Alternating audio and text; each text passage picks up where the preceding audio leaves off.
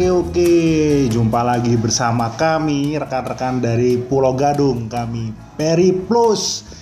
Kami lagi berencana bikin suatu podcast. Ya bisa dikatakan ini podcast-podcast awal kita. Kenalkan saya Nugi. Di sini saya ditemani oleh dua jagoan dari Peri Plus. Yang pertama adalah Halo, aku Vena. Ini Vena.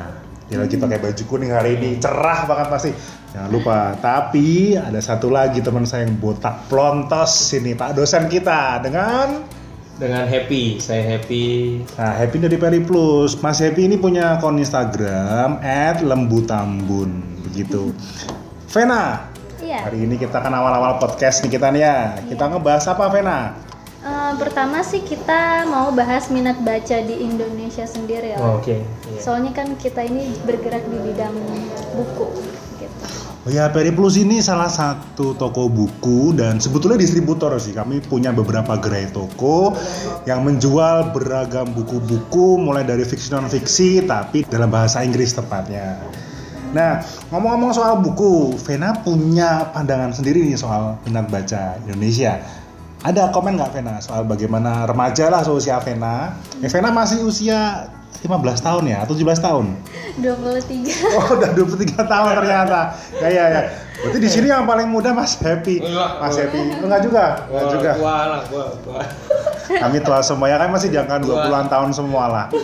Hanya biasanya ah, ya. Langsung aja deh, Vena Vena gimana Bang dalammu Vena soal minat baca di negara tercinta kita ini? Menurut aku sih sebelum aku masuk Peri Plus tuh menurut aku sendiri ya minat baca di Indonesia tuh termasuk rendah karena Hmm. setiap aku jalan ke toko buku masuk ke toko buku itu tuh cuman bisa dihitung pakai jari berapa orang di store mana pun ya Hmm. Ini kedatangan tamu baru. Ini teman saya ada satu, namanya dia manajer, dia manajer di Peri Plus satu manajer. Siapa namanya Mas? Coba kenalkan. Eh, Jason Nah, Pak Jason ini nama lengkapnya Jason Carmelo. Di sini dia pecinta buku, dia mau ngasih juga pandangannya soal buku. Tapi kalau sempat ya Mas Carmelo ya, Mas Jason ya. Ini podcast kita bagi bikin podcast tentang minat baca Indonesia. Mas Carmelo datang, dia juga pecinta buku sekali. Oke, Rena, kita lanjut lagi Rena. Iya. Kok Rena, Vena, ya ya. Ya menurut aku sih ya masih rendah ya sebelum aku masuk ke Peri Plus terus aku juga sempat baca di eh, media-media news media di sosial media gitu katanya minat baca di Indonesia tuh cuma 0,01 persen. Hmm. terus katanya di Indonesia sendiri satu orang bisa kurang dari satu jam untuk baca Hmm. gitu. Menurut survei katanya sih begitu. Cuman pas aku masuk ke Peri Plus ternyata orderan-orderan tuh banyak. Berarti ya lumayan lah berarti di Indonesia peminat bacanya gitu sih Ya betul juga sih Vena, boleh dibilang rendah atau bukan rendah ya. Mungkin orang-orang yang suka baca buku ini lebih sering ngumpet atau ngilang daripada eksis di dunia. Mas Carmelo, eh Mas Jason, Jason Carmelo, pernah punya anggapan nggak Mas minat baca teman-teman kita di Indonesia ini Mas? Rendah, tinggi, sedang, tengkurap, berbalik. Eh, kalau menurut saya minat baca kita itu sebenarnya masih terbagi. Kalau memang minat baca di level anak-anak saya pikir masih tinggi. Anak-anak sampai remaja, tapi begitu orang selesai remaja ke adult itu relatif rendah karena mungkin soal waktu mereka nggak punya waktu untuk baca, terus juga kesibukan atau mungkin ada keluarga. Tapi untuk anak-anak saya pikir masih bagus dan itu sebenarnya budaya yang bagus. Kita menciptakan habit untuk membaca.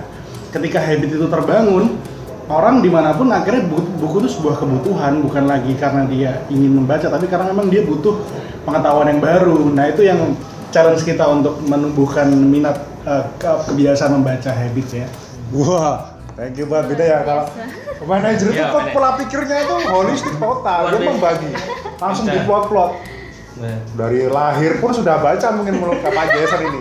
Makasih Pak Jason. Oke, kita minta pandangan dari teman kita si lembu tambun ini. Ah. Apa lembu tambun? Gimana? Ya satu kalimat cukup lah tentang Iya. minat baca kita. ya gue punya anak sih. Kalau tapi benar kata si Jason tadi. Eh, apa namanya? Eh, anak gue sendiri kalau baca buku tuh eh, demen banget ya gitu. Jadi kecil tuh demen. Tapi ketika udah kita udah gede tuh punya eh, tergantung nih. Jadi berubah karena kesibukan. Jadi eh, susah apa namanya susah untuk baca. Tapi gue langsung ingat sama tokoh kebanggaan gue Warren Buffett. Wow. Warren Buffett itu kalau baca punya kebiasaan baca eh, tiap pagi biasanya setahu gue dia 4 jam. Pokoknya dia harus baca setiap hari 4 jam. Jadi bisa bayangin orang yang katanya kaya banget itu ternyata dia juga punya kebiasaan baca. Jadi menurut gue sih important banget untuk baca gitu. Apalagi waktu terakhir gue salah satu buku yang gue seneng namanya Digital Bank. Wow. Jadi gue kebetulan pas banget ketemu sama penulisnya gue minta tanda tangan. dia Siapa kan- tuh bang? Eh, nanti lihat Rahasia aja, ya, oke ya, kita gitu tunggu ya, di podcast gitu. selanjutnya ya. Iya, Ini kayaknya gitu. temanya menarik Ya. juga nih, kita ngomong Iya, minat baca malah nyasar sampai ke Warren Buffett. Jujur loh, saya lebih kenal Warren Buffett itu sebagai penulis buku, bukan sebagai pembaca buku. Oke oh, juga. iya, iya. Ya, jadi memang memang dia gitu. Tapi eh, ini eh, teman-teman juga guys, eh, salah satunya yang lagi booming sekarang kan buku-bukunya, pokoknya barang-barang merchandise-nya tuh BTS tuh. Wow, Burn tuh, the ya Ta- kan? the Stage Ya, ya. gitu kan. Jadi eh, memang kalau kayak gituan aja minat bacanya jadi kenceng. Tapi kalau misalnya hal-hal yang lain eh, apa namanya jadi kurang baca. Menurut gue sih itu. Oke, thank you Vena, thank you Pak Jason, eh Pak Jason, Jason aja dah biar akrab sama Pak Lembut Hambun kita ini. Sebetulnya sih minat baca bisa dibilang rendah ya oke, masuk akal. Dibilang menengah juga cukup oke karena mau nggak mau kalau kita ngomong minat baca, saya rasa masih tinggi sih. Kenapa ya? Karena di sekolah pun disuruh baca. Iya Iya. benar. Ya minimal para youtubers youtubers atau selebgram selebgram itu minimal Iya. baca postingan Iya, itu postingan. hitungannya baca ya Iya. hitungannya baca baca apa lagi ya baca komen netizen apa netizen ya segala hal baik itu netizen pasti tahu semua tapi di sini podcast kita nggak cuma ngomongin minat baca. Saya yakin bahwa orang yang mendengar suara kita ini juga punya motivasi untuk memperluas wawasannya. Nah, menurut pesan orang tua, orang tua ya Vena ya, orang tua zaman dulu itu kalau pengen pinter biasanya harus mengikuti, artinya harus punya idola. Dengan adanya idola dulu kalau kita waktu kecil kita mengidolakan nenek kita, kakek kita, atau bapak kita, ibu kita. Nah kalau dalam dunia baca, Hmm. punya idola nggak Mbak Vena ini? Oh pasti. Namanya Michael Scott. Dia tuh penulis buku. Tapi aku cuman suka buku seriesnya. Oke, Mick- Michael Scott yang nulis banyak buku itu, Yes. yang Nicholas Flamel. Yes. Oh, oh, oh, oh. jangan-jangan sama kita nih. Iya, aku udah udah baca semuanya mulai dari Alchemist, terus The Magician, The Sorceress, Sorceress, Necromancer Sorceress, juga. Necromancer, Warlock, The Enchantress. Oh. Itu luar biasa sih. Aku baca buku itu pas aku SMA kalau nggak salah. SMA. Ya, Oh, berarti bertahun-tahun yang lalu. yes. Hmm. Aku baca itu, aku belum tahu yang namanya Alcatraz, Katakombe. Itu tuh bener-bener aku nggak tahu. Tapi semenjak baca buku itu aku kayak berasa keliling dunia gitu. Hmm. Aku tahu segala hal, tempat-tempat, bahkan kayak John Dee. Ya dari Inggris John Dee ya? Iya. Dari Inggris. Dia kebetulan pas Ratu Elizabeth kedua itu tokoh nyata gitu loh. Yang aku awalnya nggak tahu, aku Dia dia jahatnya kan ya? John Dee itu ya? Iya, dia antagonisnya Antagonisnya ya. di buku.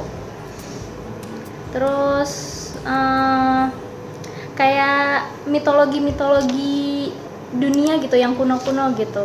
Itu tuh ada gitu sama nama karakter yang terkenal yang aku bilang tadi, Nicholas Flamel, Pernell, Dari istrinya itu Pernell ya. ya.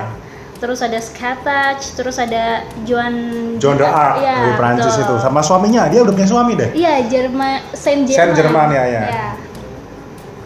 Terus ya Machiavelli, Nidhogg, Disir, Gilgamesh, iya Gilgamesh. Gilgamesh. Bahkan masuk juga William Shakespeare. Shakespeare ya ya. Tokoh-tokoh abadi ya. Iya, bener. Nggak pernah mati. Dia menyamar jadi banyak rupa ya. Iya benar. Oke lanjut Rena, Kayaknya menarik ini nih Vena nih. Iya menarik. Menariknya tuh kayak aku yang nggak tahu apa-apa jadi tahu apa-apa gitu. Tahu hampir. iya bener. Iya. Aku dulu tuh sebelum baca buku ini aku ya baca-baca kayak novel-novel cinta-cinta gitulah. Teen lead ya zaman kita dulu ya. Iya, Teen lead. teen lead. Terus aku direkomendasiin sama temanku, ini loh buku katanya gitu. Bagus deh, coba baca. Awalnya sih kalau dari cover ya lumayan, cuman aku pikir itu magic-magic gitu kan. Eh ternyata memang bener ada magic-magicnya gitu. Terus kayak sihir-sihir gitu. Terus ya udah dari mulai cerita. Nah ceritanya itu, maksudnya penulisannya, penulisan cerita itu, itu tuh mirip kayak Dan Brown menurut aku. Soalnya kenapa dia kayak apa di di akhir bab itu selalu bikin penasaran. Terus Iya. di bab selanjutnya itu dia tuh bikin kayak sudut pandang yang lain. Jadi makin penasaran. Jadi setiap serinya tuh kayak aduh nggak bisa berhenti baca gitu. Pengen pengen sampai habis. Tapi pas habis pun gue butuh lanjutan. Iya, jadi pengen beli lagi tuh pasti. iya Mana waktu itu nunggu seri yang Warlock apa ya lama banget tuh. Iya, Saya juga baca itu habis Magician tuh terus Sorceress tuh habis tuh habis tuh nggak ada lagi Cukup nunggu lama. Oh, iya benar akhirnya keluar deh Warlock. Terus sampai sekarang ada ada lagi Vena? udah sih itu aja cuman itu buku yang paling bagus dibaca menurut aku kita nggak ada nyangka sih hari ini Mas Happy kita so- soal Warren Buffett-nya, kemudian si Vena kita soal Michael Scott-nya. Ah, saya sendiri sih sebetulnya tidak banyak tahu soal buku Michael Scott, cuman Iya. dulu saya baca sekitar 10 tahun yang lalu buku ini, eh kadang 2010 saya baca buku ini menarik sih. Ada tokoh yang namanya Hekate. iya Hekate itu Dewi Yunani, dia punya tiga muka. tiga muka Tiga muka. anak kecil Anak kecil, eh, remaja, eh, remaja itu ibu ya, sama nenek ya. Mm-mm. Terus dia mut-mutan, iya benar Terus saya mikir apa cewek-cewek di dunia ini mut-mutan karena HKT ini apa ya? Jadi menarik loh. Kalau teman-teman search di Google gitu HKT itu masuk dalam mitologi Yunani. Ya dia masuk di kisah-kisah tragik lah. Dulu ada ada ada kisah ada kisah mitologi Yunani itu ada satu tokoh namanya Aeschylus dia itu pernah buat satu drama drama tragedi itu salah satunya tentang Medea. Mhm. Medea ya itu dia ada Medea itu cucunya Helios dewa matahari nah dia itu ada hubungannya sama Hekate itu sebagai apa ya kalau di bahasanya Michael Scott tuh tetua ya? Iya, gelap. Iya, iya tertua tetua tetua gelap lah. Tetua gelap tetua gelap. Itu saya lupa. Tapi sama. Ngomong-ngomong soal magic saya juga suka sih. Saya suka Harry Potter. Nah kalau mau ngomong-ngomong ya Hmm. justru Michael Scott ini menarik karena ada kata Nicholas Flamel yang muncul Iya, di buku satunya Harry Potter. Iya Nah, setiap kali ada orang tanya, Michael Scott apa sih? Saya bilang ya ini ada hubungannya sama Harry Potter. Karena si Michael Flas- Flamel ini pembuat buku bertuah dan muncul juga loh di di bukunya Fantastic Beasts juga muncul ya. iya Yang kedua dia muncul. Si Nicholas Flamel ini udah tua. Sayangnya di Michael Scott ini Nicholas Iya, Flamel ke, kehilangan itu juga. Dia kehilangan bukunya. Kalau iya, ingat direbut sama si si John Dee kan? Dee, iya. kehilangan bukunya. Jadi ya dia kehilangan ramuannya sehingga dia makin tua. Hmm. Nah itulah teman-teman, kalau kata salah seorang penulis ya, untuk kamu jadi dewasa kamu harus punya dua hal. Yang pertama kamu punya icon, kamu punya idol. Kalau kamu punya icon artinya kamu punya pegangan hidup, kalau kamu punya idol kamu punya idola. Nah dua-duanya itu mendukung kamu untuk semakin dewasa sehingga mau bertumbuh terus menambah wawasan. Mas Epi, Ya. sebelum kita akhiri vlog kita, eh Ya. vlog kita lagi podcast kita hari ini, ada pesan-pesan nggak buat para pendengar kita? Iya. Eh, bacalah buku karena penting banget ilmunya dari situ dan bacalah apa yang kita suka. Seringkali buku itu jangan dianggap remeh karena banyak ilmu yang bisa kita dapat dan sekali lagi cintai apa yang kita suka. Wow, cintai apa yang kita suka. Mbak Vena, ada pesan-pesan buat teman-teman kita? kalau aku sih lebih spesifik ke perempuannya jangan lupa baca buku karena buku itu penuh dengan ilmu gitu loh jangan Oh. sampai kalah sama laki-laki karena ini Oh, iya, bukan ya termasuk bagian feminis cuman memang ya itu karena kan nggak semua perempuan akan hidup dengan laki-laki selamanya Wow. Seenggaknya dengan buku itu kita berwawasan luas dan kita bisa lebih lah dari laki-laki Wahai para perempuan, bacalah buku sebanyak mungkin. Betul. Iya, eh, oke. belinya di Peri Plus Belinya di Iya, iya, Peri Plus. betul. Bagi banyak promo, apalagi kalau ke Iya. peripus.com. Betul, betul, betul. Teman-teman Iya. kalau kalau kalau aktif di Instagram, coba deh iseng buka Peripus ID, akunnya atau yang .com, itu terkadang suka ngasih promo-promo happy hours. Hmm. dari jam 12 sampai jam berapa saya juga kurang hafal di sini dikasih. Tiga biasanya. diskon loh lumayan loh beli buku di jam tertentu dapat diskon. Wah kalau saya sih suatu kemewahan itu. Iya. dapat diskon buku bagus. Atau kalau enggak langsung ke tokonya aja. Banyak buku kok di sel juga di sana. Ya buku yang sel belum tentu buku yang kurang baik bagus. Lebih karena buku itu everlasting. Makanya semakin banyak buku itu dipesan datang ke Indonesia dengan dijual dengan harga yang lebih terjangkau oleh kita. Oke terima kasih. Salam dari kami tim Peri Plus. Ini podcast kita awal-awal soal membaca. See you. Sampai sampai jumpa lagi